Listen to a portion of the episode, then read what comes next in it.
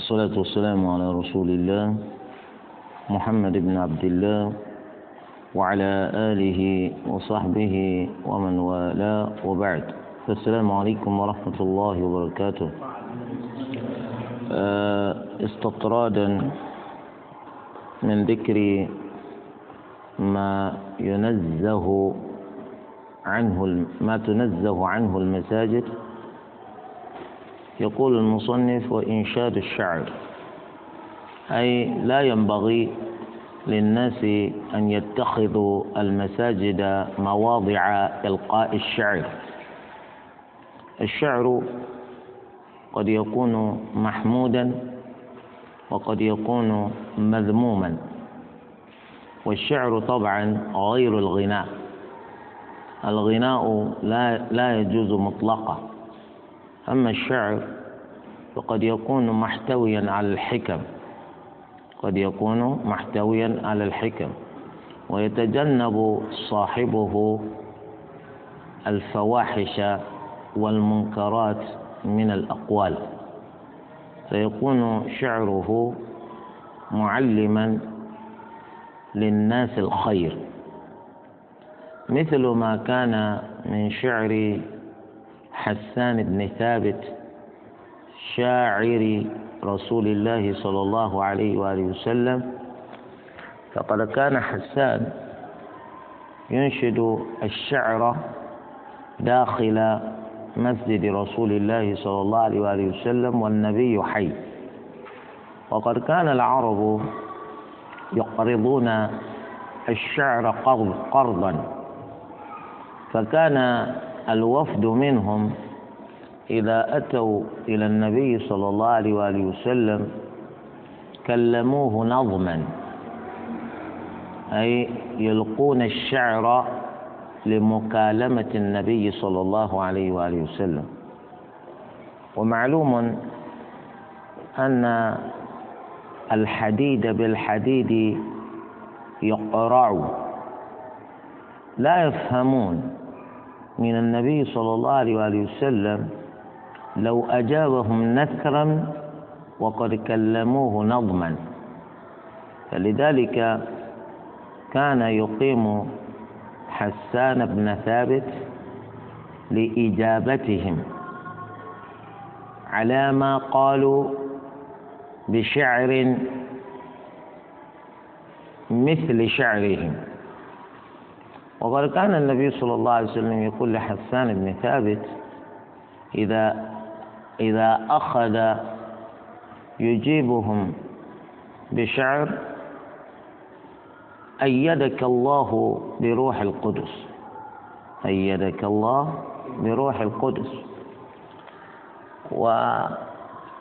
ولذلك حسان يعرف بأنه شاعر رسول الله صلى الله عليه وآله وسلم أما الرسول صلى الله عليه وسلم فليس بشاعر. فليس بشاعر. ولا يقول شعرا. ولا يقول شعرا. وإن كان الكفار اتهموا الرسول صلى الله عليه وسلم بأنه كاهن وبأنه ساحر وبأنه مجنون وبأنه شاعر. والرسول صلى الله عليه وسلم بريء من هذه التهم كلها.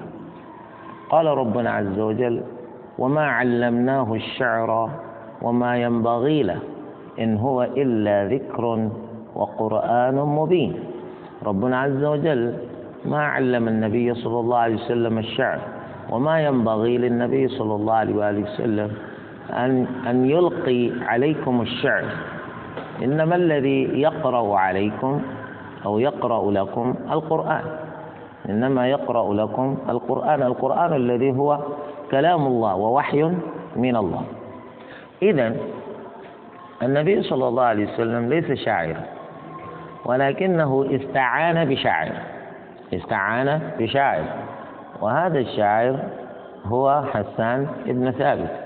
الرسول صلى الله عليه وسلم لا يقول شعرا. ولكنه أثر عنه صلى الله عليه وسلم أنه كان يمثل بقول النابغة بقول النابغة الذبياني. يقول النبي صلى الله عليه وسلم ألا كل شيء ما خلا الله ما خلا الله باطل وكل نعيم لا محالة زائل.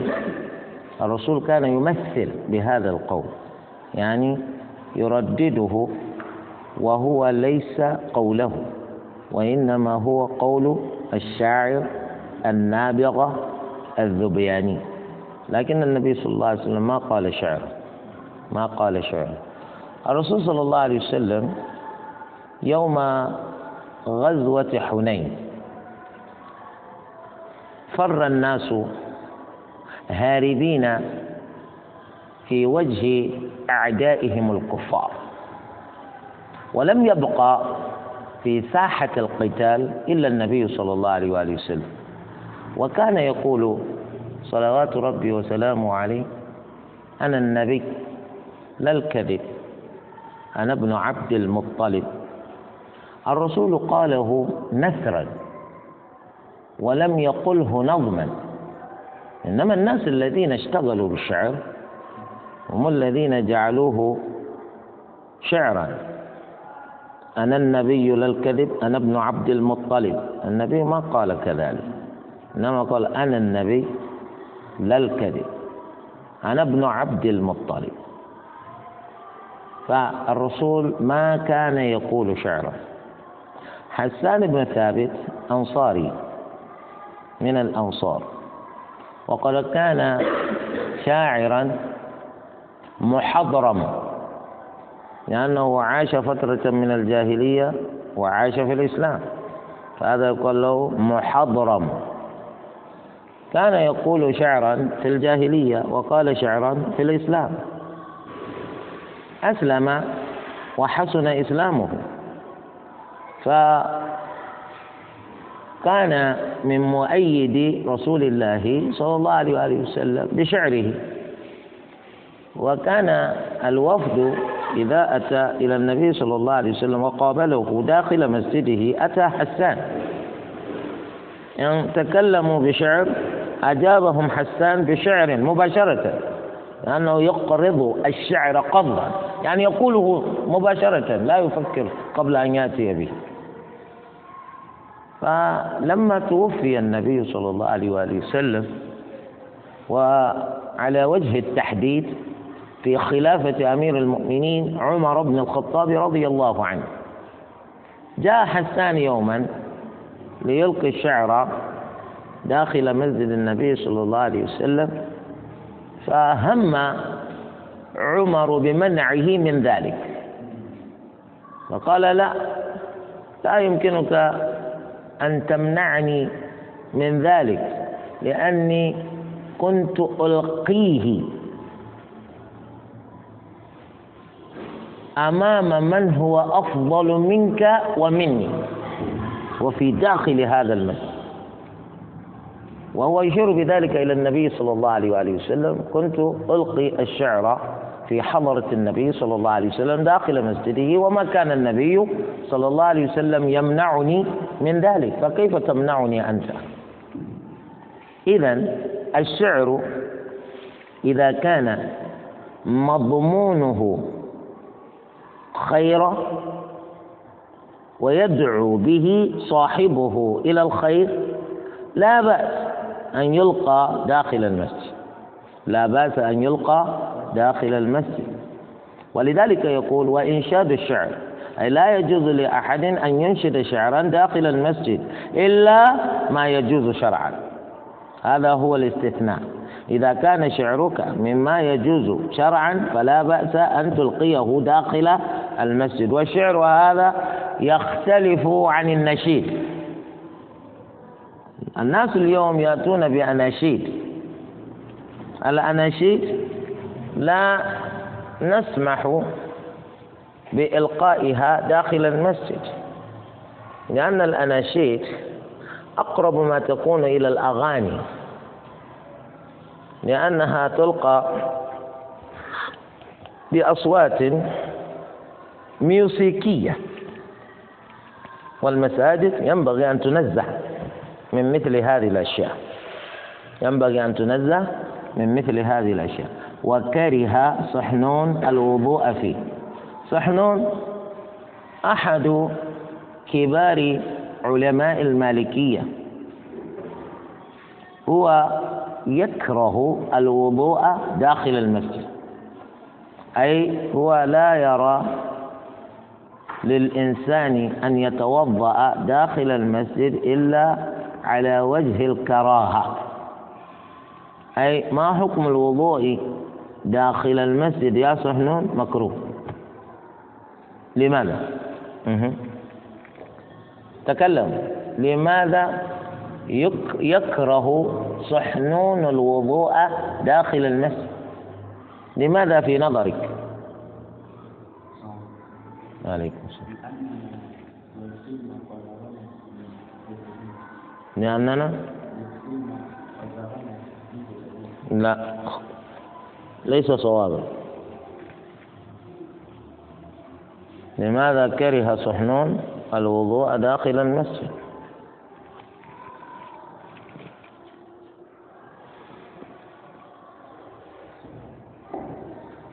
لأن الوضوء داخل المسجد قد ينتج عنه إبلال المسجد بالماء. يصير المسجد مبللا بالماء. الماء الذي تتوضأ به قد تتطاير رشاته يمنة ويسرى. ليبل المسجد منها. سبب آخر أن الإنسان وهو يتوضأ لا يخلو من أن يبصقه أو يمتخط. فالمخاط والبصاق داخل المسجد مستقذران. يعني قذر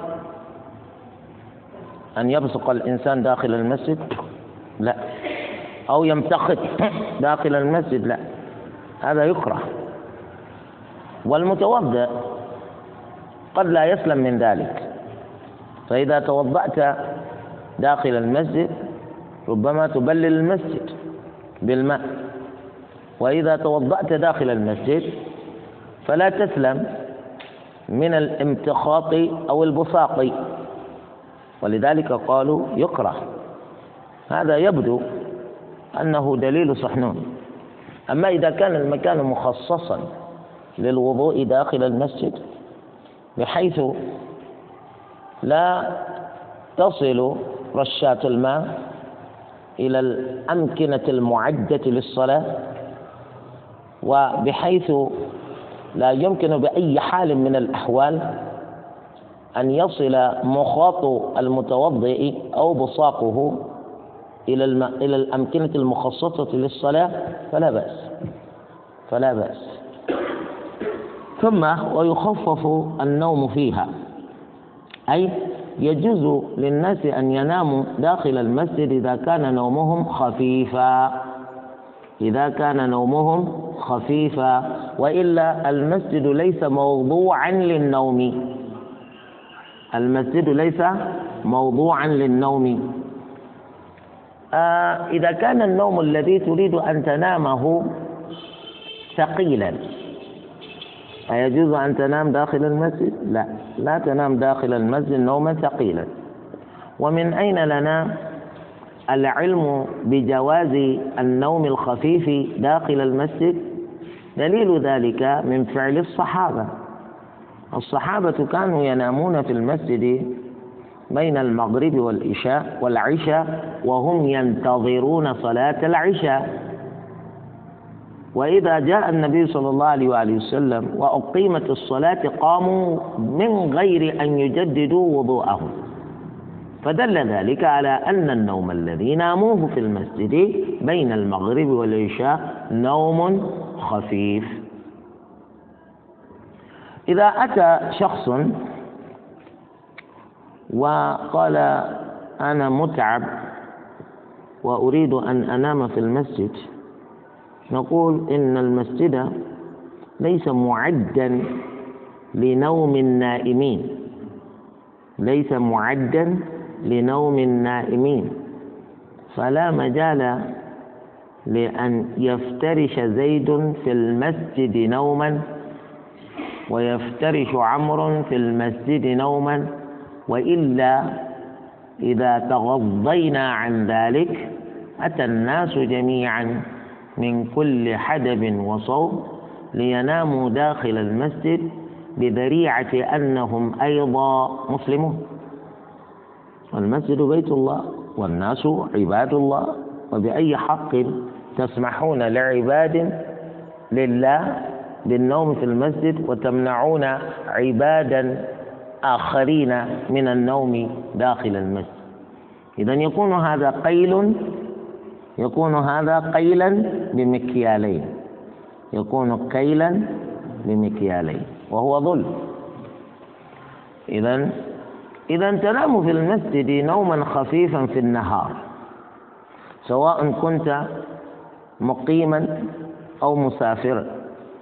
يجوز لكل واحد منهما النوم داخل المسجد إذا كان نومهما خفيفا المسافر والمقيم. أما إذا كان نومهما ثقيلا فهذا يكون لهم فيه مقال. لأنه إذا نام نوما ثقيلا داخل المسجد ربما خرج منه الريح وهو لا يشعر فيكون بذلك قد أفسد الهواء الذي يهب على الناس داخل المسجد من هواء طيب إلى هواء إلى هواء ريحه مكروه. فلذلك إذا كان النوم خفيفا لا بأس. والمبيت فيه للغريب يقول لا بأس للغريب المسافر الذي ليس من أبناء البلد. لا بأس له أن ينام في المسجد ما دام غريبا. لأنه ربما يريد أن ينام الليلة إلى الصباح ليواصل سفره صباح غد. يسمح له بالنوم داخل المسجد. لأن الصحابة رضوان الله عليهم يوجد فيهم طائفة ينامون في المسجد. كأهل الصفة الذين منهم أبو هريرة رضي الله عنه كانوا ينامون داخل المسجد لأن هؤلاء لا بيت عندهم ولا يوجد لهم قريب في المدينة ينامون في بيته. لكن لا ينبغي أن يتخذ مسكنا. أي لا يجوز للناس أن يتخذوا المسجد مسكنا يسكنون فيه بشكل دائم. لا يجوز اتخاذ المساجد مساكن فهمتم؟ أها. بحيث يكون إنسان يسكن دائما وأبدا في المسجد. يا إمام أين بيتك؟ أنا أريد أن أزورك. المسجد. آه. المسجد. أنت تنام في المسجد؟ يقول نعم. أنا في المسجد أنا وزوجتي. آه. مشكلة هذه. أنت وزوجك تنامان في المسجد. إذا أي حرمة تبقى للمسجد بهذا الفعل؟ وتجد أناسا اتخذوا المسجد مسكنا يضعون فرشان الأسنان على شبابيك المسجد ومعجون الأسنان على شبابيك المسجد. بل إن بعضهم يعلق الإسفنج الذي به يستحم على حديد شباك المسجد. بل يأتي أحدهم بمنشفته لينشرها على باب المسجد. لأنه إذا إذا إذا إذا اغتسل نشف جسمه بتلك المنشفة ويجففها على باب المسجد. فكأن المسجد فندق للأسف. إذا لا ينبغي للناس أن يتخذوا المسجد مسكنا إلا لمن تجرد للعبادة إلا لمن لا عمل له غير العبادة. لا عمل له غير العبادة. لكن هل هذا يجوز في الشريعة الإسلامية أن أن شخصا لا يعمل سوى أن ينشغل بالعبادة؟ هذا لا. الإسلام لا يحثنا على ذلك. أنت تعمل وتعبد الله. تعبد الله وتعمل. أما أن تقعد في المسجد فتقول أنا تجردت للعبادة؟ تريد أن تصير ملكا من الملائكة؟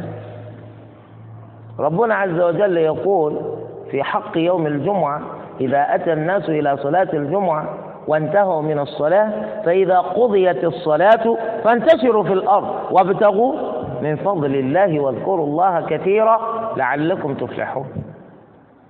فكيف تتجرد للعبادة؟ إذا تجردت للعبادة وأنت لا تعمل عملا آخر إلا العبادة وأنت بالتالي تسكن في المسجد دائما. يقول لك إذا ماذا ستأكل؟ تقول يوجد لي مال قد جمعته في عنفوان شبابي وهذا المال مال طائل أنا أستفيد منه الآن. نقول تستفيد منه الآن. فإذا كان لدى الإنسان مال وهو ينفق منه فلسا فلسا لا شك إن هذا المال سينتهي يوما. لأنك لا تعمل عملا ينمي ما عندك من المال. إنما تأخذ مما عندك وبأخذك مما عندك فإن مالك ينقص وينقص وينقص. إذا فهمنا هذا نعلم أن التجرد للعبادة يتصور في حال معتكف. إذا كان الإنسان يعتقد نعم نقول هذا تجرد للعبادة. والذي آه، دخل المعتكف ليعتكف يبقى في معتكفه إلى أن ينتهي من الاعتكاف. أين يسكن؟ داخل المسجد. لماذا؟ لأنه معتكف. ثم إن الاعتكاف لا يدوم أبدا. قل كل يوم طيلة حياتك في الاعتكاف. إيش هذا؟ الرسول صلى الله عليه وسلم اعتكف عشرة أيام في رمضان. وفي السنة التي توفي فيها اعتكف عشرين يوما. ثم لا يمكنك أن تقول أنا تجردت للعبادة أسكن في المسجد لا. المسجد ليس فندقا ويرخص في الأكل اليسير فيه. أي يجوز للإنسان إذا أراد أن يأكل أكلا يسيرا داخل المسجد أن يفعل. أما إذا كان أكله كثيرا لا يجوز له أن يأكل داخل المسجد. فهمتم؟ ويقولون حتى الطعام الذي يجوز للإنسان أن يأكله داخل المسجد لا بد أن يكون طعاما جافا أو مجففا. لا يكون طعاما دسما. فهمتم؟ مثل الذي يريد أن يأكل الدقيق. داخل المسجد تأكل الدقيق؟ ما في مشكلة. الدقيق مع الفول السوداني. ما في مشكلة. كذلك إذا أراد الإنسان أن يأكل خبزا داخل المسجد ما في مشكلة. أما إذا أراد أن يأكل طعاما دسما هذا لا يجوز. يقول الفقهاء لا يجوز. يعني أرز ولحم وكذا داخل المسجد اتق الله يا رجل. هذا مسجد. عصيدة وإدام ولحم داخل المسجد لا. يعني مثل أن تأتي بسيمولينا هذه يقال لها عصيدة وإدام ولحم داخل المسجد لا. الطعام الذي يجوز للمسلم أن يأكله داخل المسجد ينبغي أن يكون طعاما يسيرا. وقالوا وعلى أن يكون طعاما جافا أو مجففا بخلاف الدسم. هذا هو. ويمنع منه الصبيان والمجانين. أي لا يجوز للصبيان دخول المسجد الأولاد الصغار الذين هم صغار السن يمنعون من دخول المسجد. يمنعون من دخول المسجد. كذلك المجانين يمنعون من دخول المسجد. هذا منع الصبيان والمجانين المساجد. جاء في حديث موضوع. جاء في حديث موضوع. امنعوا مساجدكم من الصبيان والمجانين. أو امنعوا مجانينكم وصبيانكم من المساجد أو شيء من هذا القبيل. أو كما قيل قال النبي صلى الله عليه وآله وسلم حديث غير ثابت. وإلا الأصل جواز دخول الصبيان إلى المسجد. طبعا المجانين أصلا من الذي يسمح للمجنون أن يدخل المسجد؟ لماذا؟ ماذا تريد يا أيها المجنون داخل المسجد؟ ماذا تريد؟ المسجد موضوع للعقلاء ليعبدوا الله عز وجل فيه. أما المجنون ماذا يكون ماذا يعبد؟ لا يعرف. إذا كان ذلك كذلك الصبيان لا يمنعون من دخول المسجد. وقد كان النبي صلى الله عليه وآله وسلم يدخل أحفاده المسجد الحسن والحسين. بل لقد كان أحدهما يوم أن كان النبي صلى الله عليه وسلم ساجدا في الصلاة وهو يؤم الناس ذهب فجلس على على على ظهر النبي صلى الله عليه وآله وسلم والنبي ساجد. حتى ظن الناس أن ربما وقع مكروه للنبي صلى الله عليه وسلم لطول مكثه في السجود فوجدوا أن حفيدا له هو الذي جلس على ظهره ومنعه من أن يرفع رأسه. والنبي صلى الله عليه وسلم يعني أراد أن يمتع الولد من ظهره وما أحب أن يعجله ولذلك أمهله. ولما تشبع الولد من استمتاعه بظهر جده ترك ظهر النبي صلى الله عليه وسلم ورفع النبي صلى الله عليه وسلم رأسه. ولو كان الصبيان لا يؤتى بهم إلى المسجد كيف حصل هذا؟ كذلك في الحديث يقول النبي صلى الله عليه وسلم قد هم في صلاة من الصلوات أن يقرأ سورة طويلة ثم إذا سمع بكاء طفل مع أمه خفف النبي صلى الله عليه وسلم من قراءته. يعني مخافة أن تنشغل الأم بذلك الولد عن الصلاة. إذا كانوا يأتون بصبيانهم إلى المساجد. فهذا الحديث لا, لا ليس ثابتا. ليس ثابتا. لكنك إذا أتيت بولدك الصغير إلى المسجد عليك أن تعتني به. لا تترك الولد ليفعل ما يشاء لأنك الذي أتيت به. ولا تدع لولدك لا تطلق له العنان بحيث يتصرف تصرف من يزعج على من يزعج المصلين. لأن إزعاجهم لا يجوز. لأن إزعاجهم لا يجوز.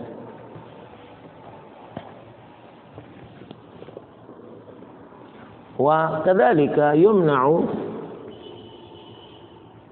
من أكل الثوم والبصل من المسجد.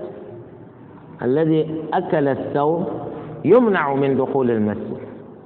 الذي أكل البصل يمنع كذلك من دخول المسجد لأنها لأنه أكل من شجرة خبيثة. خبيثة رائحتها. لأنه إذا دخل المسجد فإن الناس يتأذون من الرائحة التي تنبعث منه والملائكة تتأذى مما يتأذى منه الناس. فلذلك في الحديث آه، أشار النبي صلى الله عليه وسلم آمرا إيانا بإخراج من أكل ثوما أو أو بصلا من المسجد. إذا تحسسنا أن زيدا من الناس أكل بصلا أو ثوما ودخل المسجد. الأمر الشرعي يقضي بأن نستخرجه من المسجد. تعال يا شيخ اخرج. تعالوا اخرج. لماذا؟ أنتم تخرجونني من المسجد أه؟ ومن أظلم ممن منع مساجد الله أن يذكر فيها اسمه وسعى في خرابها. نقول لا أنت الذي تسعى في خراب المسجد. نحن ما منعك ما منعناك من المسجد بقدر ما منعت نفسك من المسجد لأن الأمر النبوي يقضي بأن نستخرج من وجدناه أكل ثوما أو بصلا من المسجد. نحن ما فعلنا إلا أن أطعنا أمر النبي صلى الله عليه وآله وسلم. وأنت الذي بفعلك القبيح هذا تريد أن تمنع الناس من المساجد لذكر الله لأن الذي تحسس من الرائحة الكريهة التي تخرج منك الآن. ربما لا يعود إلى المسجد غدا. يقول يوجد رجل خبيث دائما يأكل بصلا أو ثوما فهو يشوش علينا بالرائحة التي تأتي منه. إذا كان ذلك كذلك فما بالك بالذي يدخن السجاير؟ يدخن السجاير فيأتي إلى المسجد. هل يجوز؟ يمنع من دخول المسجد. فلذلك إذا وجدت شفتي أحد سوداءين شفته سوداء وشفته الأخرى سوداء. نستدل بذلك على أن أنت تدخن لأن هذا اللون ليس يأتي هكذا عفوا إنما يأتي من الدخان. فهمتم؟ فلذلك الذي دخن ما نسمح له بدخول المسجد. فما بالك بالذي تعاطى الشيش؟ تعرفون الشيشة؟ الشيشة كالإبريق. وله خرطوم. يأخذون هذا الخرطوم ويباشرون بفمه فمهم ويجذبون ما فيه من الويلات جذبا. وبينما هم يجذبونه يجذبونه بنفسهم. تسمعون لإبريق الشيشة صوت الغليان. فهو يجر يعني يجذبه جذبا وتحمر عيناه. لأن رأسه هو يسخن رأسه بالشيشة. فما بالك بالذي أيضا يدخن على الحشيش؟ حشيش. تعرفون حشيش؟ اروين الذي يدخن الحشيش كمان لا تأتي إلى المسجد لأنه هذا خبيث ومجنون. لأن الحشيش يخلل يعني يعني الحشيش هذا يختل به عقله يختل به عقله هذا هو.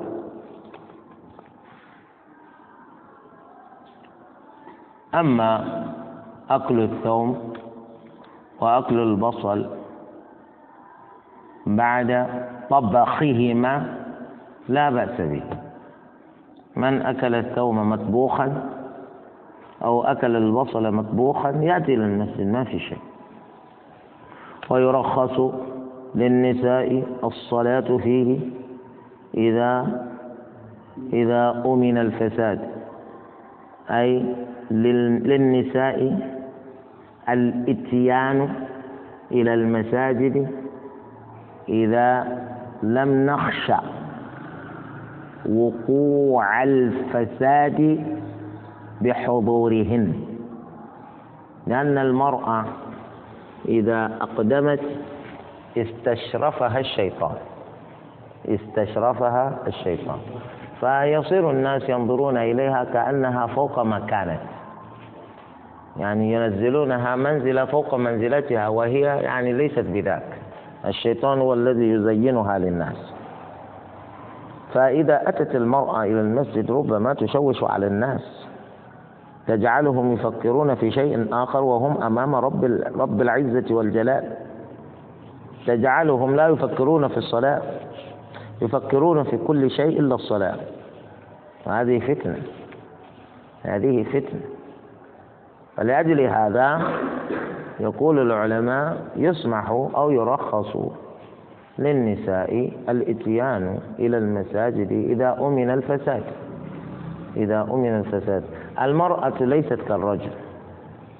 المرأة ليست كالرجل. ولذلك النبي صلى الله عليه وسلم علق جواز الإيذان للنساء بالذهاب إلى المساجد باستئذانهن. أي لا تذهب امرأة إلى المسجد إلا بعد أن تستأذن من وليها ويأذن لها وليها. إذا لم يأذن الولي أيجوز للمرأة أن تذهب إلى المسجد؟ لا تذهب. بل صرح النبي صلى الله عليه وسلم بذلك يعني إذا استأذنت المرأة للذهاب إلى المسجد فلا تمنعوها من الذهاب إلى المسجد. ويكره للشابة الخروج إليها. الشابة المرأة الصغيرة التي عمرها ليس بذاك يعني لا زالت صغيرة. يكره لها يم... تمنع من الذهاب إلى المسجد. يكره لها أن تذهب إلى المسجد لأن الناس يفتتنون بها ما لا يفتتنون بالعجائز. الكبيرات تذهبن إلى المساجد ما في مشكلة. أما شابة تأتي إلى المسجد يعني أحيانا أحيانا يعني تسبب المشاكل حتى للإمام. إذا نظر الإمام إلى امرأة وهي جميلة أتت إلى الجمعة. مثلا الإمام يريد أن يقول يعني والصلاة والسلام على رسول الله قال والصلاة والسلام على الصحابة. لأنه لأنه افتتن بما رأى. افتتن بما رأى. هذه مصيبة. هذه مصيبة. ثم المرأة إلا من رحم الله آه، كثيرات منهن إذا خرجن من بيوتهن تزين تزين بحيث آه، يفتتن الرجال بجمالهن. لذلك النبي صلى الله عليه وسلم يقول لا تمنعوا إماء الله مساجد الله وليخرجن تفلات. أي إذا خرجت المرأة من بيتها إلى المسجد تخرج تفلة. تفلة بمعنى لا تتطيب لا تجعل الطيب في ثوبها. لأنها إذا مرت برجال أجانب وشموا منها هذه الرائحة الطيبة هذه الرائحة تلفتهم. آه آه من هذه؟ هذه قمر. شفتها كيف؟ آه. ولذلك تخرج تفلة من غير تطيب. ويستشف من هذا أنها لا تتزين لا تتزين لأن الإسلام علمنا بأن المرأة إذا أرادت أن تخرج من بيتها فإنها ترتدي حجابا ترتدي حجابا. هذا هو الإسلام. بخلاف ما أنت عليه.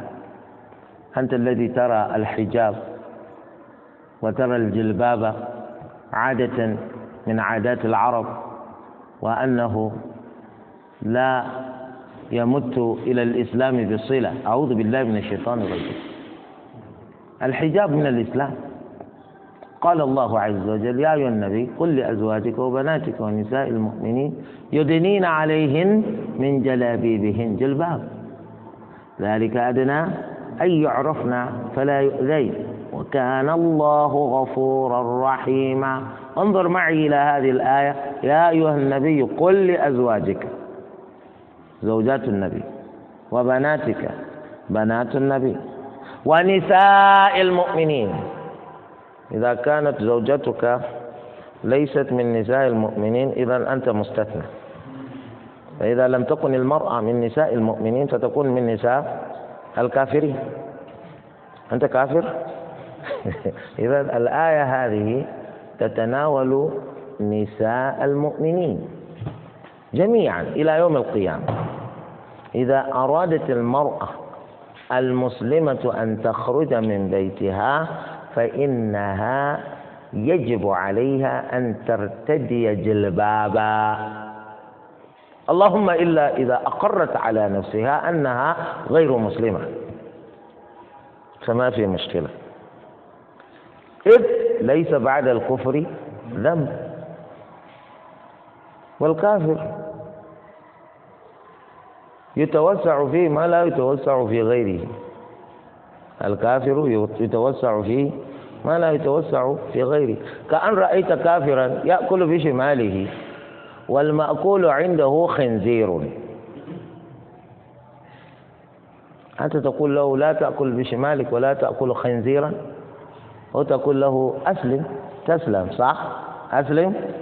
وبعد إسلامه نقول له الآن لا يجوز لك أن تأكل وتشرب بشمالك إنما تأكل وتشرب بيمينك. ثم أكرمك الله لا تدري أن الله قد حرم الخنزير؟ المسلم لا يجوز له أن يأكل الخنزير. إذا ليس بعد الكفر. إذا فهمنا هذا نقول المرأة وهي تأتي إلى المسجد يجب عليها أن تستشعر عظمة الله. وأن تعلم في قرارة نفسها أن صلاتها في بيتها أفضل من صلاتها في المسجد. إلا أن الشريعة هي التي منعت الأزواج والأولياء من منعهن من الذهاب إلى المساجد إذا هن استأذن. فلا ينبغي لك أيتها أيتها المسلمة أن تفتني المسلمين بمجيئك إلى المسجد. اتق الله. لا تفتني الناس بسبب مجيئك إلى المسجد. امرأة أتت إلى المسجد يوم الجمعة وهي ترتدي ثوبا شفافا كأنه غربال. لأن الناس إذا نظروا إلى الثوب الذي ترتديه هذه المرأة استطاعوا من خلاله أن يشوفوا لون جلدها. لأن الثوب هذا ثوب ذو ثقاب. ثق ثق ثق ثق ثق على هذا الثوب. تستطيع من خلال هذه الثقاب أن ترى لون جلدها. فكلمتها إحدى النساء الحاضرات في قسم النساء في المسجد. أما تتقين الله؟ أتدرين أنك إذ أتيت إنما تأتين إلى المسجد الذي هو بيت الله؟ لعبادة الله بين أخواتك المسلمات. من ذا الذي أو من ذا التي تظنين أنك تفتتنينه أو تفتتنينها بارتدائك هذا الثوب الشيطاني وأنت تأتين إلى المسجد. حقيقة تلك المرأة ما وجدت لها بدا من أن تصرح لأنها إنما أتت إلى المسجد بهذا الزي ظن منها أنها ستجد زوجا أنها ستجد زوجا في المسجد. إذا حتى لو قدر الله عز وجل أنك ستجدين زوجا في المسجد نتيجة مجيئك. من ذا الذي يتزوجك وأنت ترتدين مثل هذا الثوب الشيطاني؟ إلا وهو مجرم مثلك. لا تعودي لمثله أبدا. لا يجوز للمسلم أن يرتدي مثل هذا الثوب. ويكره للشابة الخروج إليه. ولا يتخذ المسجد طريقا. لا يجوز للناس أن يجعلوا المسجد طريقا للعبور من جهة إلى جهة أخرى. المسجد أعظم وأجل من ذلك. لا تجعلوا المسجد ممرا. لا تجعلوا المسجد ممرا بين جهتين. هذا مكان مخصص لعبادة الله اسمه مسجد. لا يجوز لأحد أن يتخذه طريقا. المسجد ليس طريقا لا للمشاة ولا للركاب. كذلك ولا يسل فيه سيف. أي لا يستخرج أحد سيفه. من غم من غمده داخل المسجد. لا تستخرج سيفك من بيته داخل المسجد. لأن المسجد بيت الله. لا تدعوا فرصة للشيطان أن يفرق بينكم داخل المسجد. إذا كان هذا لا يجوز يجوز لأحد أن يمسك مسدسا بندقية داخل المسجد؟ لا يجوز لأنك ما جئت إلى المسجد لتصيد ماذا تصيد في المسجد؟ تريد أن تصيد الإمام؟ ما في مجال لهذا. ثم واحد أصلا هو يقول لا يجوز لك أن تصل سيفك. ابتداء هل يجوز لك أن تدخل المسجد بسيف؟ لأن الناس يخافون. الرجل هذا دخل المسجد بسيف. نحن نخشى. ما يكون هذا من المجرمين حتى إذا سجدنا أخذ يقطع رقابنا. لا تدخل إلى المسجد بسلاح. لا تروع الناس. لا تخوفهم. إذا وإنما يفعل فيه ما بني له. يا ترى ماذا بني له المسجد. للصلاة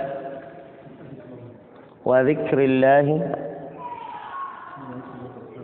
و وتلاوة القرآن النبي صلى الله عليه وسلم ذكر ذلك في حديث الأعرابي الذي بال في طائفة من مسجده صلى الله عليه وسلم بعد أن أمر بإهراك ذنوب من الماء على بوله.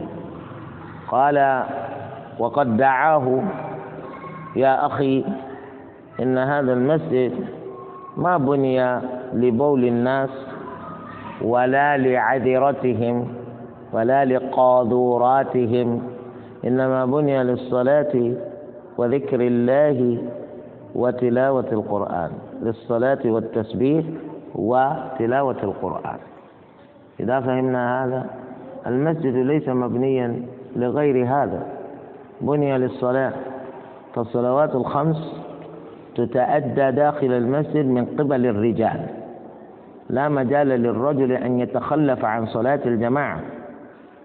يجب أن يأتي إلى المسجد بخلاف النساء. كذلك آه، المسجد بني للتسبيح. أنت تريد أن تسبح الله. أنت تريد أن تذكر الله. تذهب إلى المسجد لذكره. لا ذكر بالطريقة المتصوفة. لا. لأن هؤلاء أصلا في ضلالة. هم في ضلالة. لأنهم في بدعة. وأعمالهم مردودة عليهم. لا كرامة ولا أجر.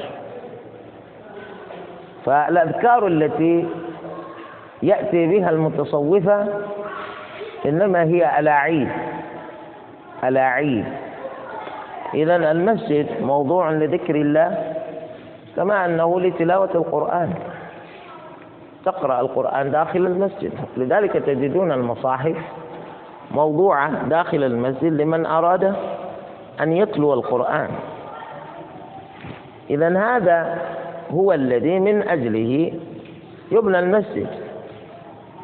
فالمسجد ليس ناديا من الأندية إنما هو بيت من بيوت الله مبني لعبادة الله عز وجل.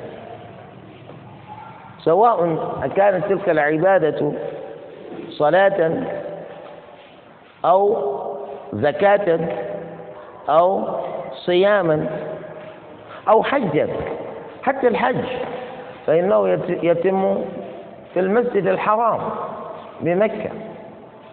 يتم في المسجد الحرام بمكة.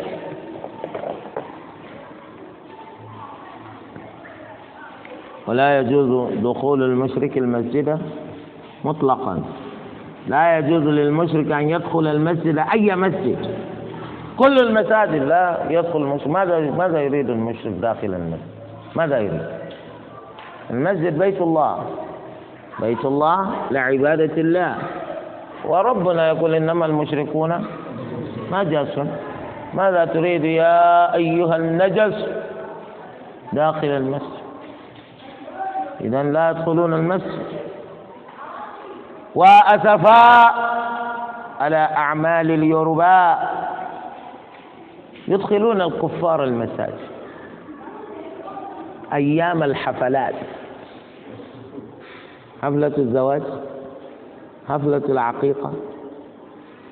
يدخلون كل واحد. ما هب ودب يدخلون. بل إن بعضهم يدخلون إلى المسجد ولا كرامة ويبصق داخل المسجد.